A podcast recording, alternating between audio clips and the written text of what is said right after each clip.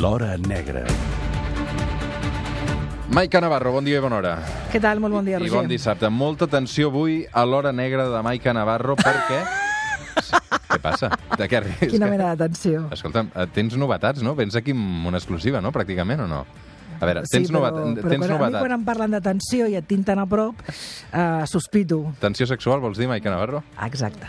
Sempre, és que, és que jo mira que la intento desviar, però és que no pots evitar sempre el comentari, passa? eh? No, no, no, però... Em sento una- assetjat. No, no, apa, apa, apa, apa, apa, vinga! No, però els homes, Ahà. en general, la gent en general, s'ha d'acostumar a sentir que les dones, i les dones doncs, de certa edat, com sóc jo, que ja sóc una senyora respectable que ha arribat als 50, doncs podem parlar de sexe en tota normalitat i que també de tant en tant forma part de, Mm. del nostre dia a dia. Que és veritat que de tant en tant espanta. Potser jo abuso en ocasions, eh? Però a mi em sembla sensacional. També, mm, però vaja, Tenim l'Helena Crespi de sexòloga, si un dia vols venir també al consultori que fem amb ella. jo no tinc molta cosa que consultar. Tu ho saps tot de memòria, ja, eh? No t'han d'ensenyar res.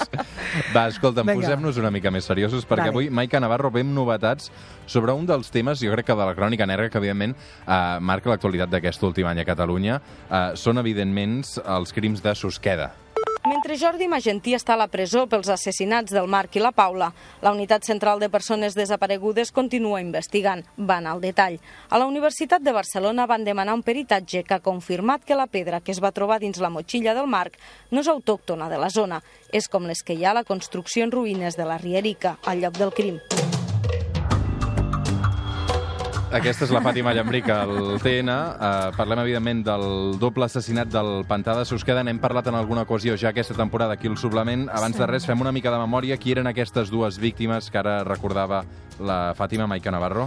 Doncs el, el Mar Hernández i la Paula Mas en tenien ell 23 anys, ella 21, eren, ell era d'Arenys de Munt, ella era de Cabrils i portaven aproximadament uns 4 anys de, de relació. Una relació que, que els Mossos d'Esquadra van definir en el seu moment, després de parlar en tot el seu entorn més immediat, com absolutament eh, saludable, eh, d'igual a igual, molt, molt sana. Una relació d'absoluta estimació i respecte que va, que va, va retirar des de prim, va, va, va fer retirar des del primer moment, quan van desaparèixer, doncs qualsevol sospita de que pogués haver estat un, un crim de violència machista que després ell s'ha pu- hagués pogut suïcidar. Ells, eh, doncs, Recordem que estem apareixen, parlant- parlant... apareixen els dos cadàvers Sí, eh, és agost amb ferides de bala, no? Sí, és agost del 2017 i ells tots dos van a, es va, vol, decideixen passar un parell de dies al pantà de Susqueda per, per navegar amb un caiac que, era, que tenien guardat els pares del mar des de feia més de- més d'una dècada amb un, amb un armari de, del, del garatge de casa i bé, desapareixen, o sigui, se'ls traga diré, eh, literalment les aigües del, del pantà. Els pares denuncien, els pares d'ells respectius no es coneixien, de fet, només els la mare de la, de la Paula sabia de la relació amb el Mar, però els pares del Mar no tenien ni idea de la relació amb la Paula, es coneixen, fan denúncies i comença una recerca, i una denúncia a Mossos d'Esquadra i comença aquesta, aquesta recerca. Dies després apareix, a, es, Mossos troba el vehicle de la parella, l'Opel Zafira de color blau, i un mes després, eh, sota les aigües, suren i emergeixen el, els dos cossos de la víctima. Com deies, Roger, eh, tots dos havien estat assassinats i això ho van confirmar els forenses amb armes de vela. Ella, ell amb tres, eh, tres impactes de bala i ella amb un impacte de bala. Uh, cossos despullats, uh, l'assassí els va lligar unes motxilles plenes de pedres perquè se submergissin. Què passa? Que una d'aquestes pedres uh, es va deslligar del cos i una va aparèixer flotant, no? El- l'assassí, que pels Mossos d'Esquadra, a mesura que anava avançant, una investigació que jo crec que és de les més complexes que ha fet la policia catalana perquè té un nivell de tecnicitat molt, molt, import, molt, molt, molt concret i perquè sobretot aquest crim el marca, la seva investigació el marca no només el, el, el sospitós que és en Jordi Magentí investigat i, i, i a la presó des de fa uns mesos, sinó a l'entorn, a l'escenari del crim, doncs bé, el presumpte assassí intenta fer desaparèixer tot l'escenari de, del crim, fent desaparèixer doncs, els cotxes, els cossos i tal. I què fa amb els cossos? Quina és la hipòtesi dels Mossos? I que ara han pogut, han avançat en la investigació i podem aportar novetats. Alguna en feia ja referència a la Fàtima Llambric allà en la telenotícies. Els Mossos el que sospiten i el que han pogut rep- reproduir és després d'assassinar-los d'aquests trets en un lloc molt concret del pantà que es diu la Rierica, que són les antigues, és una antiga construcció que havia abans del pantà i per tant és una construcció amb unes pedres que són, que, va, que algú quan es va fer el segle passat o fa uns segles aquella construcció va portar aquelles pedres de fora, o sigui, no són, són pedres... Són unes pedres que es poden reconèixer. Que es, i, que, I que formen part de la construcció d'una casa, doncs bé, els assassina, els despulla, els, amb, amb un tall de corda del caiac els, els, el lliga tots dos cossos junts, per això tots dos cossos, tot i que tenen diferent complexitat, complexitat emergeixen de l'aigua al mateix moment i a la gairebé a la mateixa hora, i a cadascú, com a mínim al mar, perquè la motxilla de la Paula no l'hem trobat encara, eh, els hi col·loca una pedra de la rièrica dins la bossa amb, tot, amb part de les pertenences i els fica, els fa, els fa, els submergeix i no a qualsevol qualsevol indret del pantà, sinó a pocs metres d'allà, sinó que carrega els cosos al caiac i va fins a un punt molt concret i molt pròxim, que és el pantà només la gent de, del lloc que ha vist aquell indret sense aigua sap quines zones del pantà són més fonses i altres no. Ja passem, hi ha diferents nivells de profunditat. Doncs just allà on ell eh, fa, fa, fa que els... Fa, tira els, els cossos, llença els cossos, és d'una gran profunditat i que, i que uns metres més una banda o una altra els cossos no haguessin arribat tant, tant al fons. Aquest nom us sonarà Jordi Magentí. De moment és el detingut, un veí del poble d'Anglès, mm -hmm. de la Selva, l'any 1997. Ja el van empresonar perquè havia matat la seva dona a trets. De Jordi Magentí, aquests últims mesos eh, l'hem anat coneixent, eh, l'hem anat eh, sentint. De fet, eh, si et sembla, escoltem eh, el que deia Magentí, que va declarar en aquest cas la primera vegada que va compareixer davant del jutge després que fos detingut. Senyor Magentí, té alguna cosa a veure amb la mort dels dos joves que van trobar en el pantà de Susqueda? No tinc res a veure. Els va matar vostè? No, per Déu, que és el que ho sap tot. No vaig fer res. Va jurar per Déu Magentí que ell no havia, no havia tingut res a veure amb tot plegat. Hi havia indicis ja que apuntaven a ell, eh? A veure, des del primer moment que va ser detingut pels Mossos d'Esquadra no hi ha cap mena de dubte sobre la seva responsabilitat en el doble crim. I més tard deia això, Magentí. Me dijeron que el día, no sé si era el día 24, que no me acuerdo yo, ¿eh? pero me dijeron los Mossos de Escuadra que aquel día era el día de los hechos y yo estaba en el pantano. Son ellos que lo dicen. Ahora, sí que un día, y no sé si era ese 24, que yo oí unos disparos, pero yo estaba a ran de agua, pescando, y pensé que era del jabalí, gente de- que iban para el jabalí. Per tant, Magentí, que eh, reconeixia que estaven al lloc dels fets pescant, eh? Aquesta, aquest tall de veu és importantíssim i part de la part de, de, de la- de l'estructura de- de incriminatòria dels Mossos, de la càrrega de, de, de, incriminatòria d'aquesta unitat de desapareguts de Mossos cap al Magentí, hi ha molt en aquesta declaració. Per què?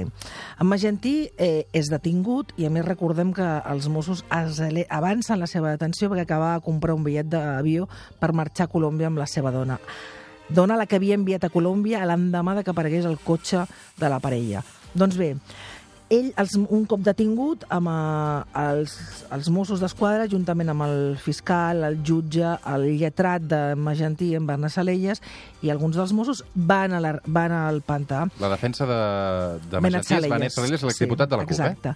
I aleshores, un excel·lent advocat, i a més a més que està fent una gran defensa creant dubtes. A més, era un judici que es farà amb jurat popular i, per tant, ell porta uns mesos eh, intentant crear el dubte sobre la càrrega probatòria i ell fa, ha demanat moltes proves que l'Audiència de Girona li ha dit als Mossos que, bueno, que li ha donat, li ha donat la raó a, a, Salelles i, per tant, ell, el seu, la feina és dubtar d'allò que els Mossos diuen. És veritat que en Magentí, el problema que hi ha en aquesta investigació, els Mossos han trobat alguna prova, és a dir, un ADN, un mòbil que localitzi i situï al, en l'escenari del crim amb Magentí? No, i amb això Ba- en Benet tenen, té raó.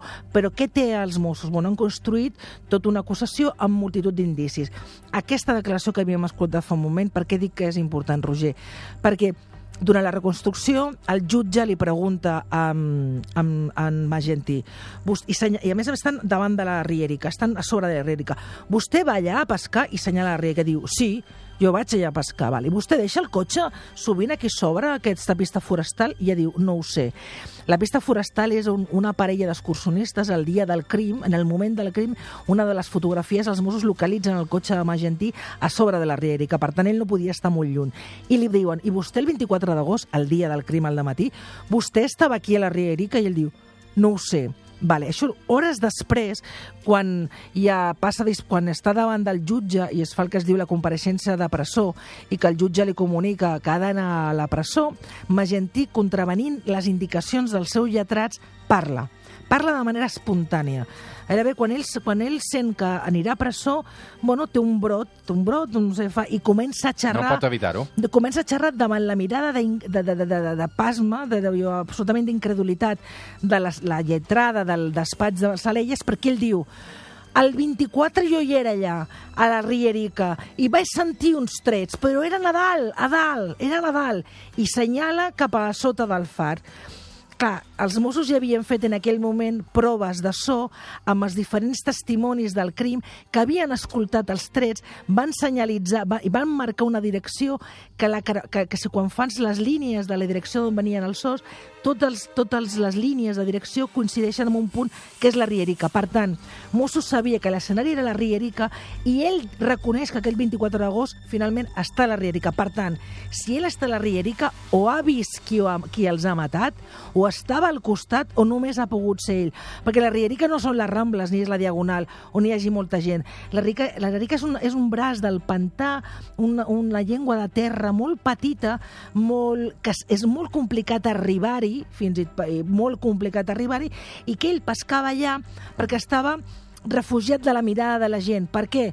Doncs, entre altres coses, perquè ell feia servir arts il·legals per pescar al cirulo. Què creuen els Mossos que va passar? Important també i una de les novetats que per això avui, aquest dissabte, parlem de, del pantà de Susqueda i d'aquesta investigació. Doncs els Mossos han aconseguit, no s'han trobat els mòbils de la parella, però sí que han aconseguit reproduir els moviments del mòbil de la Paula a partir del seu comportament amb els dos repetidors que hi havia al pantà. I què passa? Doncs bé, és important perquè fins ara no sabíem quan el, teníem la imatge de l'Opel Zafira de la parella entrant al pantà, però, ostres, amb una, una càmera al gra, però on, on s'atura el cotxe? No ho sabíem, perquè de fet tots els testimonis que havien estat al pantà ningú havia, havia vist l'Opel Zafira, i era com, ostres, de fet, en Salelles presentava altres testimonis que deien, no, no, és que vostès situen una obra d'un amor que hi ha altres testimonis que els han vist després, fins i tot el dia d'endemà. Per Mossos aquesta opció està descartada. Ells continuen mantenint que l'hora del crim és el 24 d'agost, en aquesta franja franja horària del primer hora del matí i ja tenen resposta per què ningú més va veure el cotxe. Per què? Perquè ells, ells entren i gràcies al mòbil de la Paula, el comportament d'enganxar-se a 3G, 4G i fins i tot quan arriben a una platja que està just davant de la Rierica i que, i que la hipòtesi és, és el mar porta un mòbil que és aquàtic i a més a més eh, d'altres vegades ha fet esport i penja en un canal de YouTube que tenia les seves activitats esportives. Doncs què és el que, la lògica que diu? Que el mar va agafar el seu mòbil per pujar al caiac i la Paula va deixar el seu el mòbil al cotxe perquè a més a més era un model d'aquests que si es mulla, eh, oblida't del telèfon. Per tant, el, el mòbil queda aturat dins del cotxe moltes hores, però malgrat això es connecta, es desconnecta per la cobertura, no és una cobertura estable. Uh -huh. Aquest mateix comportament, que hi ha una gràfica exacta que s'ha reproduït a la, a la unitat tècnica de Mossos, es, es, estacionant a les diferents platges d'aquella banda de, de, del pantà la fa exactament si tu t'atures davant de la Rierica. Per tant, és, i per què, a més a més, ningú veu el cotxe? Perquè a l'hora en què tu arribes allà doncs els, els habitants, de, els belgues que estaven al campament del Llumà, dos estaven dormint i altres dos estaven en un altre indret del pantà arreglant una tuberia, per tant, per això no els veuen. Per tant, ells arriben, munten el caiac, es vesteixen per anar a navegar, es treuen els banyadors, fiquen el caiac a l'aigua i a pocs metres, en línia recta, tenen, tenen les ruïnes de la Rierica. Van cap allà i allà que està Magentí. Realment, les eines que tenen també els Mossos d'Esquadra eh, per acabar descobrint eh, l'autor d'aquest crim i incriminar-lo eh, són infinites també l'any 2018, no?